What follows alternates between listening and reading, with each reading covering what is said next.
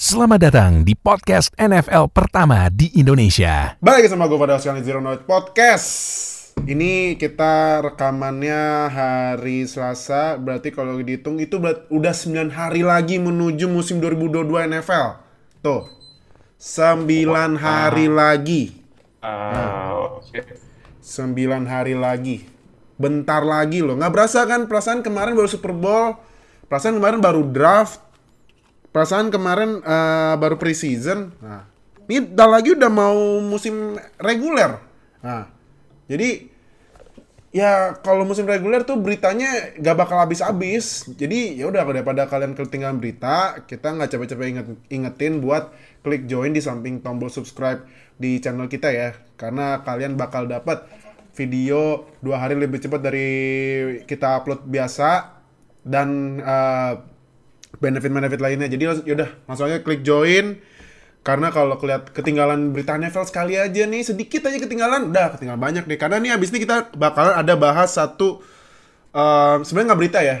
Ini sebenarnya kayak eh, ini apa daftar ya yang kemarin baru selesai itu daftar NFL Top 100 yang udah jadi ritual tahunan sejak tahun 2011. Ntar gue mau tanya reaksinya Oka ya. Nah, eh jadi eh Yes. sama satu lagi eh, buat kalian nih kan pasti ada yang nonton ini habis nonton ini ya dari video kita yang di bareng Regista kan di sebelah tuh Regista kan. Nah, jadi thank you yang udah nonton. itu kan baru part 1 kan. Nah, Oh, iya lah. nah juga tuh. ya kan?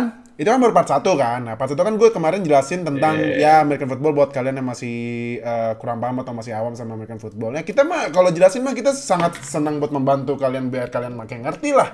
Karena visi kita memang eh, memasyarakatkan NFL di Indonesia. Jadi eh, buat yang udah nonton thank you banget.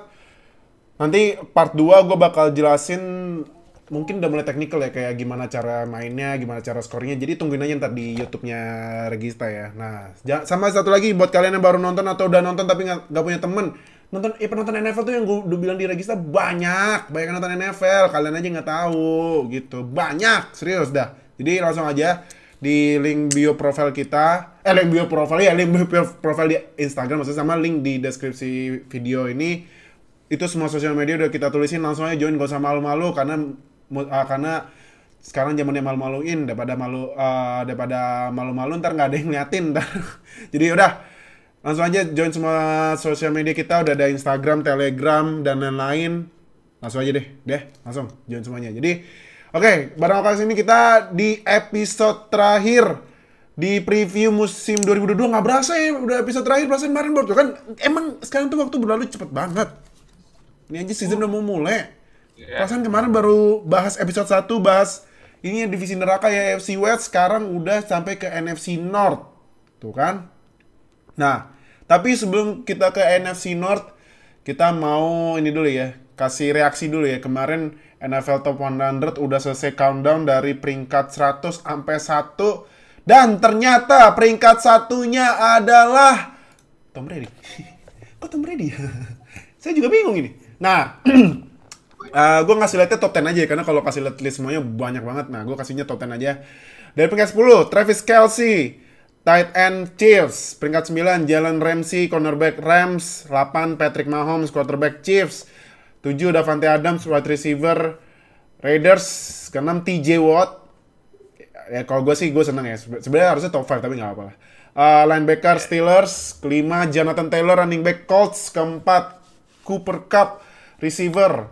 Rams, ketiga Aaron Rodgers, quarterback Packers, kedua Aaron Donald, defensive tackle Rams, dan pertama si kambing yang lu udah lihat kan itu udah ubannya udah banyak tapi masih juga nggak berhenti berhenti main. Kapan sih? Ini padahal tuh Brady kemarin udah ngambil cuti loh, 11 hari. Pas udah balik katanya ya saya umur saya umur 45 tahun ada banyak ada banyak hal yang terjadi lah. Banyak urusan. Iya. Banyak urusan. Ada banyak urusan. Nah, tapi ini kalau dari lo dari top 10 ini top 10 aja ya, top 10 aja ya. Reaksi lo gimana? Yes. Reaksi gue ya, kalau dari pemain yang masuk, sebenarnya nggak heran-heran banget ya. Karena kalau dilihat ya dari nama-nama yang masuk itu ya nama-nama yang udah banyak prediksi bakal masuk top 10 gitu. Mhm. Dan sekarang juga orang-orang juga udah paham lah bahwa top 100 itu adalah list yang dibuat oleh pemain kan. Jadi Betul. pemain ngevote dan eh, hasil vote-nya itu yang akan menghasilkan si top 100. Jadi Iya. ya nggak nggak heran banget lah kalau banyak pemain yang ngevote Tom Brady jadi nomor satu. Mungkin kita nggak akan setuju, eh, banyak yang nggak setuju lah ya, karena eh, Tom Brady kan nggak main di Super Bowl kemarin, tapi Aaron Donald main di Super Bowl. Ya. But in the end, ya ini vote yang dari pemain, pemain maybe karena ngelihat Tom Brady is the GOAT, jadi mereka uh, masih beranggapan bahwa Tom Brady is the number one player according to their list. Hmm. Ya, walaupun sebenarnya juga uh, agak top 100 itu kadang juga ada recency biasnya juga sih. Artinya pemain yang baru aja juara Super Bowl suka lebih diunggulkan untuk di atas dibandingkan pemain-pemain lainnya. Jadi makanya orang juga pendapatnya mereka bilang Aaron Donald should be number one, but instead ya Tom Brady is your number one player gitu. Hmm, oke ya. Tadi yang dibilang Oka bener ya itu eh, voting top 100 itu yang bikin pemain bukan dari NFL-nya ya, pemain ini ya. Jadi ya ya maaf apa aja nih ya kalau misalnya pemainnya bagus tapi temennya dikit ya nggak masuk. maaf maaf aja nih ya. Jadi eh Dan ya ya one one amazing thing tentang Tom Brady juga itu kalau misalkan kalau kita lihat sejarahnya Tom Brady itu musim ini musim 2021 ya 2021 berarti musim lalu itu eh, masuk top 100 number one. Season 1 top 100 lagi-lagi adalah Tom Brady. iya. Jadi itu terpisah ban- jauh banget tuh. Iya. Jadi ya ya seperti yang tadi Oka bilang karena yang voting pemain dan pemain pada ngelihat Tom Brady is the GOAT ya udah votingnya pada Brady ya. Kalau yang lain mungkin eh, yang lain ini eh, dari peringkatnya yang lain kayak Donald Rodgers Cup dan lain-lain. Gimana Kak? Yang lain itu gue nggak banyak yang berubah lah ya. Tapi Mhm. gue mungkin akan mengganti Jalen Ramsey nomor 9 dengan Miles Garrett nomor 11. Nomor 11 atau nomor Hmm, 12? Iya, Mas Garrett di peringkat 11 ya. Gue juga Paling gitu kaget doang sih. Mas Garrett bisa di 11 ya? Padahal Mas Garrett menurut gua ya kadang bisa nyamain TJ Watt tapi ya TJ Watt nyamain rekor sack. Yes, betul banget. Dan gue juga pas tahu ini Cooper Cup di atas Adams sih ya iyalah. Kalau menurut gue sih ya, ya walaupun banyak pemain yang mas banyak yang bilang Adams lebih bagus daripada Cup tapi ya Cup musim kemarin ya performance-nya gila sih buat wide receiver dapat triple triple crown lagi kan. Jadi Mm, ya di list ini Cup di atas Adams menurut gue cocok. Oke. Nah, langsung aja kita masuk preview di NFC North ya. Yang pertama ini tim Nah, ini nih yang peringkat 3 nih. Yang ditinggalkan sama peringkat 7. Nih. Nah, tuh. Yang satu lihat lurus, yang satu lihat kiri. Oh, kan? Kiri liatin ini AFC West, AFC West ya kan di West di kiri kan, di barat di kiri kan. Nah, kalau menurut lu nih Rodgers tanpa Adams bisa nggak? Ini akan jadi pembuktian buat Rodgers juga sih. Karena orang-orang sering bilang kalau Rodgers itu made by what made by his wide receiver ya. Dia selalu dapat wide receiver yang walaupun gak first round, tapi Mhm. uh, dapat talent-talent yang bagus lah. Mulai dari dulu ada Greg Jennings, terus juga ada Jordy Nelson, Randall Cobb, terus habis itu ada Devante Adams, dan sekarang ini juga ada wide receiver baru rookie yang digadang-gadang bakal bisa gantiin Devante Adams. Nah, ini gue mau kasih lihat ini apa eh, draft di kelas 2022-nya Packers ya nih. Nah, Nah, kan tadi kan ditinggal nama ada uh, Davante Adams. Nah, kebetulan nih Packers sebenarnya ngedraft 3 WR ya, tapi gue kurang yakin kurang yakin yang di WR di round 7 ya. Yang Samori Toure dari Ya Nebraska. kalau round 5 ah, mungkin round 7 mungkin dikecualiin dulu aja. Iya, nah.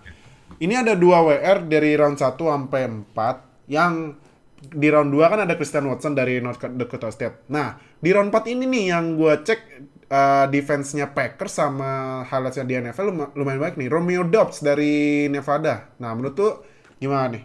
Dua WR ini. Bisa nggak bantuin uh, Rodgers? Atau ya Rodgers main ya, udah sebar semuanya aja lah kayak Brady uh, kayak Brady lah mainnya gimana gimana?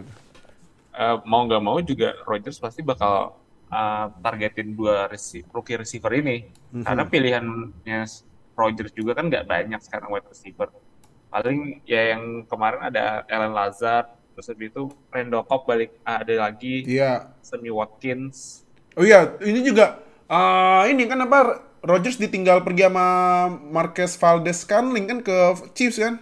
ya jadi ini Ah. wide receiver core-nya tuh di rombak semua jadi sisa beberapa pemain doang jadi mungkin akan butuh beberapa game di mana mereka harus adjust ya. Dan Aaron Rodgers juga pasti harus adjust.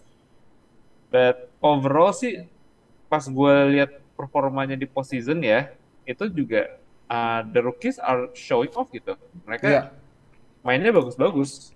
Terutama ya dua rookie, uh, rookie receiver yang tadi udah lu bilang. Uh, ada Christian Watson dan juga Romeo Dobbs Iya. Uh, the question is apakah mereka akan jadi penggantinya Devante Adams? For now, let's uh, put our breaks uh, down dulu ya. Jangan Hmm. langsung tiba-tiba bilang oh ini the next Devante Adams. Ya. Ya itulah uh, kadang suka ada hype-hype aja lah. Kadang karena udah ditinggal wide receiver starnya saat suatu fanbase tuh suka berhayal-hayal kayak oh ini gampang nih penggantinya langsung tinggal draft aja. Padahal nggak kayak gitu. Iya. Jadi ya musim rookie mereka ya pasti mereka akan dapat banyak target, but hmm, better than Devante Adams nggak mungkin, nggak mungkin mungkin. Oke, oke. Nah, eh next ini tim yang eh yang baru dapat pelatih baru. Sebenarnya di NFC North ada dua tim yang dapat pelatih baru, tapi kita yang pertama dulu nih yang Ya. finishnya di bawah di Packers. bawah Packers ya. Ini Vikings nih. Cousins lagi tep, apa tos sama eh, salah satu mungkin bis top 5 mungkin bisa aja top 3 ya di NFL ya. Hmm, top 3. Eh, top 5 lah, top 5 lah ya, top 5 ya. three. Arguably top 3. Top 3. Wow, oke. Nih Justin Jefferson yang membuat viral tuh tuh yang ini nih apa greedy tuh tahun 2020 ya. Nah, Iya. menurut lo ini Cousins apakah tetap percaya eh bu- bu- sorry sorry maksudnya sa- salah salah salah pertanyaan gue sorry maksudnya apakah Jefferson eh, mainnya bakal bag- lebih bagus lagi atau ternyata tuh menurun gitu gara-gara masih ada Cousins ini Eh, kalau gara-gara Cousins kayaknya enggak sih karena emang dari eh, Jetas juga rookie season kan mainnya bareng eh, Cousins kan. Jadi kalau menurun jelas enggak sih. Maybe in the same stratosphere uh, as musim-musim dia sebelumnya. Eh, the questionnya sekarang kan Vikings itu mereka masih harus perbaikin defense. Mereka Ya. juga mereka kemarin juga uh, draft ada safety Louis Sain Louis dari Sain, ya. Georgia. But uh, gue masih melihat defense mereka masih agak iffy ya. Uh, walaupun udah dengan ada rookie dan juga beberapa signing baru, tapi Mhm. posisi di, di defense ini juga masih ha- banyak tanda tanya juga. It's not bad, tapi ya banyak question marks-nya aja lah di posisi-posisi defense. Mungkin juga karena Vikings baru kedatangan coach baru ya. nah ini coach baru nih Dan Kevin baru O'Connell dari Rams. oh, dia dulu offensive co eh, offensive Ya. koordinatornya Rams ya Ya, offensive coordinator Rams. Hmm. Jadi eh, kalau diceritain dikit adalah si O'Connell, Kevin O'Connell ini dia itu salah satu mentinya dari Kyle Shanahan slash Sean McVay. ya Jadi itu masih tri-tri, masih pohon-pohonnya Shanahan semua tuh, Mhm. Kevin O'Connell. Dan dia juga salah satu coach muda ya yang memang lagi trending banget nih di NFL. Kayak coachnya apa? Coaching tree-nya dari McVay, Shanahan itu selalu jadi komoditas yang menggiurkan lah buat tim-tim Iya, di NFL. betul. Nah, pertanyaannya adalah apakah dia bisa mengubah Kirk Cousins menjadi quarterback elite? Karena kita bilangnya kayak Kirk Cousins is mid atau banyak yang bilang underrated juga. Tapi ya gue gue sih masih bilangnya dia agak mid ya Mhm. in terms of uh, performance. Tapi apakah si Ke- Kevin O'Connell ini akan bisa mengubah offense dari Vikings dan naikin itu ke the next level gitu kan? Hmm. Karena musim lalu offense mereka sebenarnya bukan it's not a problem. Tapi apakah dengan adanya offensive coordinator dari Super Bowl champion Los Angeles Rams ini bisa ngangkat offense mereka menjadi lebih baik lagi dibandingkan musim lalu atau enggak? Hmm. Itu pertanyaannya. Oke. Oke. Nah, next kita ke tim yang dapat pelatih baru lagi ya. Nah, ini nih Bears. Wow. Nah, ini Bears dapat pelatih baru lagi dan pelatihnya ini dari tim rival sebelah. Di am eh rival sebelah ya, ya, ya kan? Rival sebelah ya, kalau nggak salah ya. Matt Eberflus ya. Matt Eberflus itu defensive coordinator dari Indiana. Eh, Broncos- Broncos ya, sorry, sorry, maaf, maaf, maaf, maaf, sorry, sorry, No, no, sorry, salah, salah, dari salah, salah, maaf, maaf. Nah, tapi sebelum ke Matt Eberflus, nah ini nih, Justin Fields. Nih, ah, nih WR, WR-nya nih nomor 11 ya. Darnell, Darnell Mooney ini, kalau gua cek ini gorengannya lumayan banyak ini ya. Apalagi di dunia fantasy nih. Darnell Mooney. Nah, menurut lu ini, ya kalau dilihat kan dari weaponnya Justin Fields, aduh, ambiar banget ya. WR-nya ditinggalin Allen Robinson ya kan. Udah gitu running running back ada David Montgomery kemarin David Montgomery mainnya lumayan lah ya. Ya. Nah. Gak ada first Cuman- round pick. Kenapa? Gak ada first round pick. Nah itu masa ini weaponnya buat Justin Fields tuh buat yang depth chartnya kurang banget. Nah tapi menurut lu Justin Fields apakah ini duonya sama Daniel Mooney bakalan yang harus diperhatiin di NFL musim 2022? Eh, Bears ini lagi periode transition banget ya. Mhm. Dia mereka baru aja ditinggal banyak pemain inti. Salah satunya ada tadi udah udah bilang Allen Robinson dan mereka baru aja nge-trade Khalil Mack ke Chargers. Chargers. Right. Mhm. Dan mereka juga kemarin gak ada first round picks karena dipakai musim lalu buat trade up buat dapetin Justin Fields Justin Fields ya.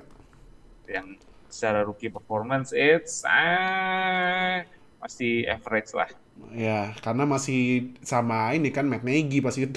masih dengan offensive mastermind yaitu Matt Nagy iya. ya sekarang sih head coachnya Matt Eberflus ini kan dia ad- punya background defense ya Mhm.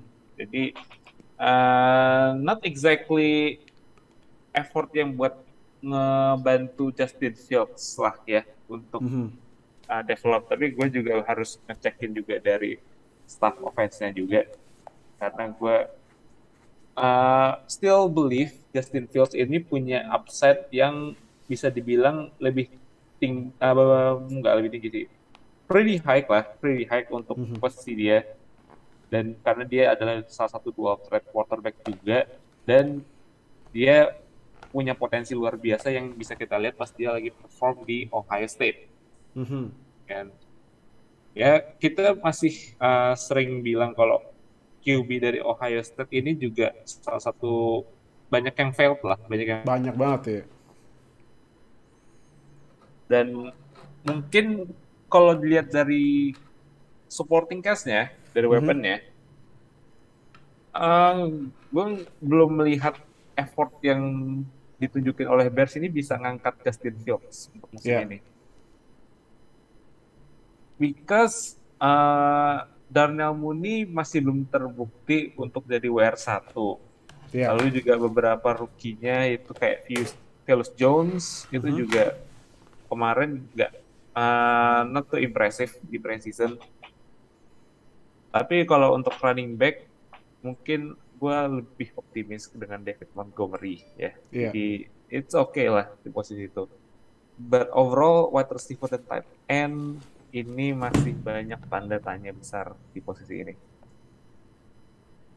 Oke, nah ini tadi ya, ya eh, karena udah bilang ini kita sempat bilang coach baru ya. Nah ini nih Matt Eberflus eh, defensive eh sorry defensive atau offensive kemarin ya di Broncos ya lupa. Gua Defensive coordinator dari Indianapolis coordinator ya Colts. dari Broncos ya. No, no, dari Indianapolis Colts. Oh iya Indianapolis Colts, aduh iya, aduh maaf maaf maaf, gue dua kali salah, sorry sorry sorry, banget ya sorry banget salah Yang, gue. yang Di Colts ya, Broncos itu kalau Broncos kok nggak salah Broncos ini ya Pak, Nathaniel Hackett ya?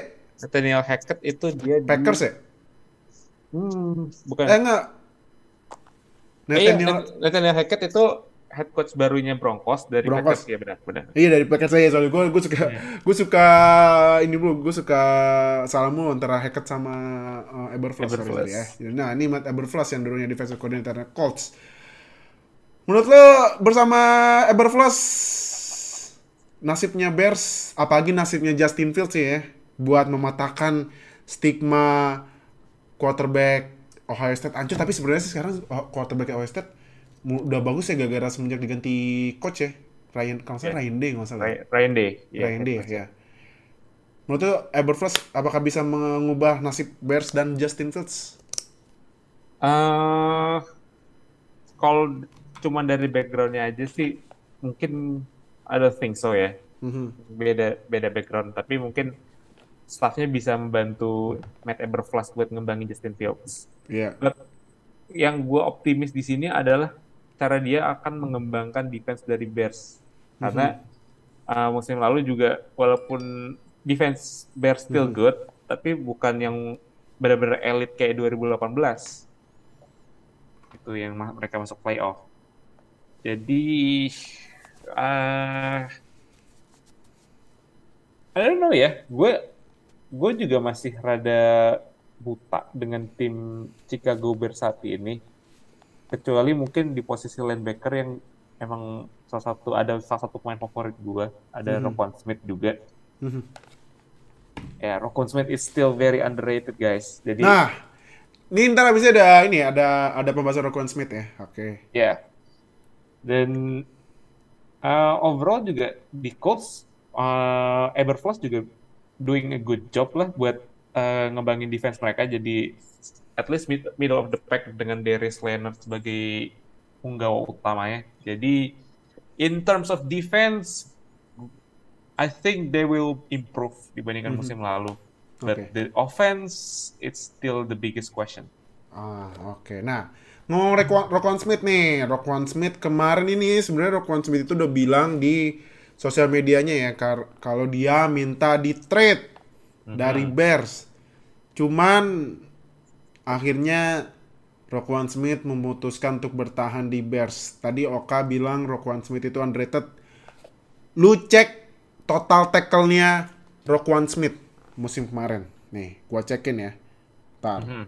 Roquan Smith stats itu kalau nggak salah dia total tackle-nya musim kemarin lebih dari 150 tuh total tackle-nya aja Roquan Smith kemarin 163 tackle. Wow. gila kan? Yes. gila. Itu aja 163 yang di assist gitu maksudnya misalnya dia tackle tapi ada yang bantuin itu 68 berarti itu dia solo tackle-nya 95 95 loh. 95 tuh buat linebacker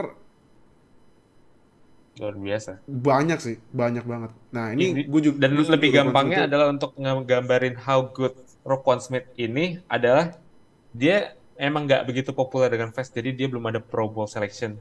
Tapi dia udah masuk All Pro dua kali. nah itu Nah, itu aja sih. Nih kalau kita saranin ya buat kalian kalau mau cek pemain bagus, eh pemain-pemain yang dapat awardnya ini award ya, award itu all pro aja deh, all pro aja beneran, all pro aja. Nih Roquan Smith udah dua kali masuk all pro loh, dan masih belum juga dibayar gaji mahal buat linebacker itu. Soalnya dia di kelasnya dia itu kan linebacker-linebacker yang sekelas yang bareng sama dia tuh udah pada get paid ya. Iya, Kayak Darius Leonard, Leonard, terus Warner. Fred Warner, dan lain-lain lah. iya. Jadi Roquan Smith deserve to get paid, man. Apalagi Iyalah. dengan banyak pemain veteran yang banyak yang cabut gitu, cap space-nya Bears sudah musim depan itu cap space-nya Bears ada salah satu yang paling gede. Jadi dan, dan mereka nggak ada alasan lah untuk nggak bayar Roquan Smith Bener, apalagi sebagai leader di defense mereka. bener, bener. Bener banget. Makanya, ini kalau Roquan Smith masih juga nggak di, digaji gede sama Bears, mendingan lepas deh. Pasti banyak banget yang rebutan. Termasuk tim gua nih Steelers karena linebackernya tuh Devin Bush udah hancur. Untung aja dari Miles Jack ya. Nah ini gua ngarbat supaya dapat Roquan Smith dah. Mumpung cap space-nya musim depan juga gede kan karena Big Ben udah pensiun dan Kenny Pickett masih rookie contract. Jadi masih kebuka lebar tuh kontraknya. Yes. Walaupun udah bayar TJ Watt, Hayward sama Minka udah sege- segepok tapi masih bisa sama Dionte gitu. Tapi masih bisa gitu. Terakhir ini tim yang sebenarnya eh eh jangan salah sebenarnya ada ada yang dibahas. Ini Jared Goff ya ini OL-nya ya. Sama menurut gua ini WR yang gue prediksi sih kayaknya bakal meledak nih musim ini nih. dan bakal menguntungkan banyak fantasy manager ya. Amon Ra Saint Brown ini. Nah, Wow. menurut lu ini uh, duo Goff sama Saint Brown ya walaupun nantinya juga Lions hasilnya ya ya udah diprediksi lah ya karena karena ya begitulah Lions. Tapi menurut lu nih uh, duo Jared Goff sama Amon Ra Saint Brown ini harus diperhatiin nggak buat musim 2022? Eh, mungkin nggak cuma Amon Ra Saint Brown ya, karena kemarin juga Lions udah ngedraft receiver Oh iya baru lagi, Jameson kan. Williams. Oh iya gue lupa masukin Jameson. Iya Jameson Williams Ya, ya. unfortunately kemarin ah, Jameson Williams ini kan juga masih eh, cedera ya, habis Iya. dia kayaknya cederanya pas dia lagi di National Champions Mhm. itu, jadi akan butuh beberapa waktu untuk Jameson Williams masuk ke eh, skemanya dari Detroit. Mhm. But in the meantime, gue gue setuju sama lo, Bill. Dan duet antara Jared Goff dan Amon Ra Saint Brown adalah focal point dari offense-nya Lions. Iya. Selain di selain di wide receiver, mereka juga punya running back DeAndre Swift, mereka juga ada tight end PJ Hawkinson. Jadi mereka punya young core yang bagus Mhm. uh, di offense. Nah, sekarang apakah mereka bisa translate those core untuk uh, menjadi W? Itu pertanyaannya. Kemarin kan juga mereka banyak banget kalah di close game juga Iya. kan. Kasihan juga. Gue gue jujur sebenarnya gue rooting for this team karena this team is ini benar-benar kayak fun to watch aja. Kayak mereka mainnya hard nose football, terus habis itu juga mereka juga mainnya nggak yang nyerah gitu aja gitu. They still fight loh. Dan yang mentalitinya itu berasal dari head coach mereka yaitu Dan Campbell. Dan Campbell. iya. Jadi dan jangan lupa Detroit Lions kan sekarang lagi featured in the Hard Knocks ini. Nah, iya betul. Lagi lagi ada di Hard Knocks. Jadi ini biar kita bisa nonton nih seberapa interesting lah dari Detroit Lions untuk musim 2022. Iya, itu kalau kalian nonton Hard Knocks ada di ini ya NFL Game Pass itu gratis langsung aja langganan di NFL Game Pass ya. Nah, Yes. Ini tadi gue tadi gue lupa mbak lagi masukin foto tapi uh, kita bahas defense ya. Nah ini kan oh ntar satu lagi. Nih DeAndre Swift ini menurut gue ya DeAndre Swift ini kalau buat fantasi fantasy ini ya fantasy uh, aspek ya. Menurut gue DeAndre Swift ini versi diskonannya Jonathan Taylor. Lu setuju nggak? Eh, lebih tepatnya Jonathan Taylor dari week 1 sampai week 12 sih, karena berikutnya dia akan sering cedera itu. Oh iya sih, iya benar juga ya. Oh iya DeAndre Swift ya. Ya. Tapi in limited play time sih dia uh, actually playing really good ya. Dia juga salah satu yang cukup dual threat, bisa rushing, bisa receiving. Jadi ini sebenarnya Lions makanya gue tadi bilang offensive core-nya mereka ini bisa Jared Goff yang sebenarnya juga eh, bit solid kemarin. Ini running back dari running back wide receiver sampai tight end itu mereka punya almost everything gitu. Iya. Mereka punya banyak, mereka punya weapons, tapi ya for somehow some way ya suka ada kayak divine intervention yang ngegagalin mereka untuk dapetin kemenangan. Iya. Jadi ya ya maybe the season will be different ya Hmm. dengan mereka mungkin bisa take into the next step dan if all of them are healthy Mhm. especially their rookies, Jameson Williams dan juga Aiden Hutchinson. Kita hampir lupa ngomongin Aiden Hutchinson. Mhm. I think Lions can go at least improve lah, improve dibandingkan musim lalu. Mhm. Oke. Nah, ini gue tadi defense gue lupa banget bahas karena gue uh, pas preseason gue merhatiin ini uh, satu pemain ini bagus tapi gue gue sebelum ke pemain selanjutnya gue ganti dulu ya. Ini kan Jeff Okuda kan. Nah tapi sebelum Jeff Okuda kemarin kan Lions di second overall pick ambil Aiden Hutch- Hutchinson kan. Aiden Hutchinson Ya. dari Michigan ya kan. Menurut lo Hutchinson front runner buat menang def- defensive player of the year nggak? Saat ini dia front runner untuk defensive player year. Mhm. Karena gue ngelihat dia tuh kayak gue selalu mengcompare Aiden Hutchinson tuh dengan Nick Bosa. Karena in terms Nick of Bosa build, langsung. in Nick Bosa di rookie season lah ya. Oh, oke. di Kenapa, kenapa? Karena secara build itu mereka hampir mirip. Mereka nggak super tall, tapi mereka uh, bulky juga. Dan mereka itu uh, have a great motors, jadi kayak Iya. kencang dari pas mereka scrimmage. Jadi ini salah satu bisa dibilang prospek terbaik di draft pass musim ini kan secara hype-nya. Iya. Jadi uh, I don't think it will be that hard buat Aiden Hutchinson biar bisa adjust di NFL karena dia juga salah satu talenta defense muda terbaik saat ini. Mhm. Jadi as a defensive rookie of the year dia adalah nom, uh, odds nomor satunya lah untuk Hmm. awardnya defensive rookie of the year. Oke, nah ini sekarang eh, yang di foto nih juga kemarin masuknya ini ya top 5 draft pick ya. Kalau ini Jeff Okuda kemarin diambil di third overall pick tahun 2019 ya, 2020 20. 2020 ya. Nah 2020. Tapi kan ya di du- di dua musim terakhirnya kan kelihatannya mengecewakan ya. Apalagi musim kemarin dia cedera kan. Dan kena burn juga sering apalagi sama Devante Adams ya dua kali. Tapi kalau lihat dari preseason kemarin nih Okuda mainnya lumayan loh.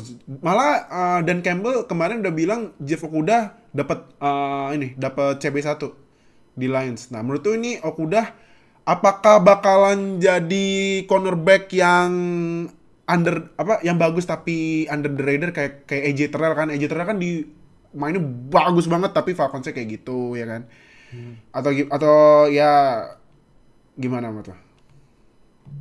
Iya, gue juga berharap Jeff Okudah bisa live up to the hype ya. Aha. Karena dari third overall pick itu dia having a rough two seasons. Dia played very bad di rookie season dan dia kena uh, season ending injury di musim selanjutnya. Ya, gue berharap Jeff Okudah bisa live up to the promise lah ya. Jadi Mhm.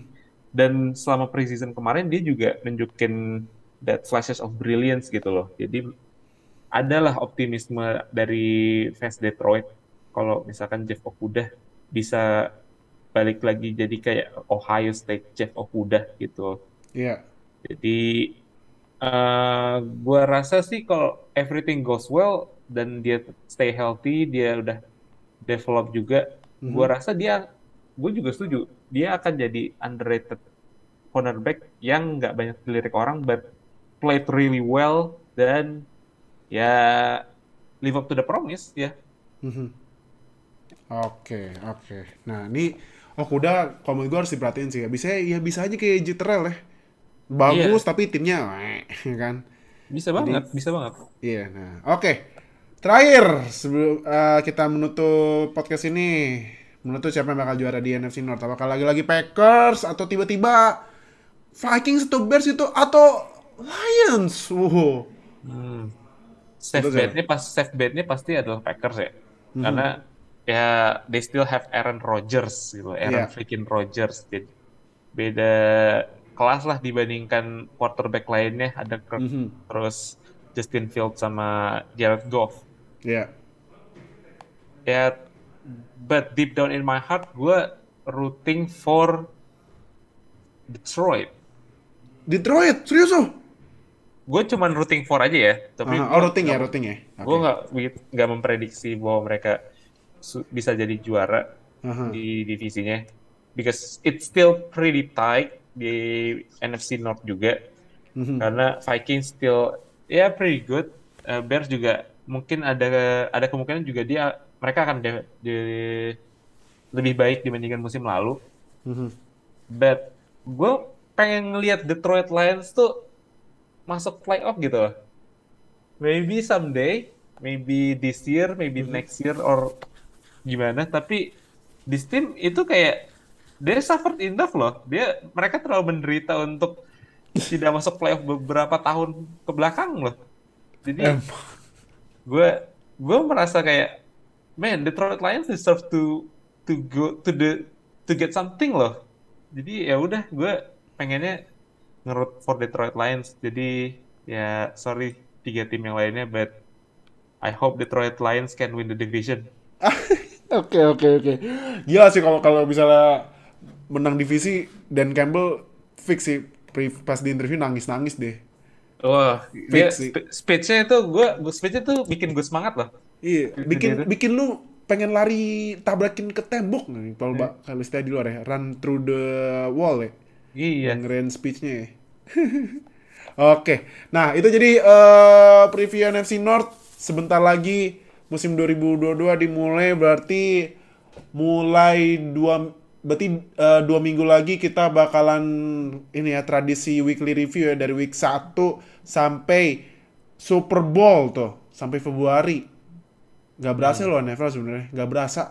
Ini aja udah gak berasa kan libur 6 bulan abis Super Bowl ini udah mau mulai lagi musim 2022. Jadi langsung aja klik join di samping tombol subscribe biar dapat akses dua hari lebih cepat dari kita upload reguler karena kalau ketinggalan berita NFL satu aja udah ketinggalan semuanya deh. Makanya langsung klik join cuman 10.000 aja.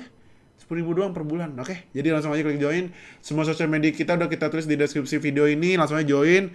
Thank you yang udah nonton dan dengerin. Sampai ketemu dua minggu lagi di Weekly review. weekly review week 1 musim 2022 ya. Dadah semuanya. Bye. Terima kasih telah mendengarkan podcast NFL pertama di Indonesia. Sampai jumpa di podcast edisi selanjutnya.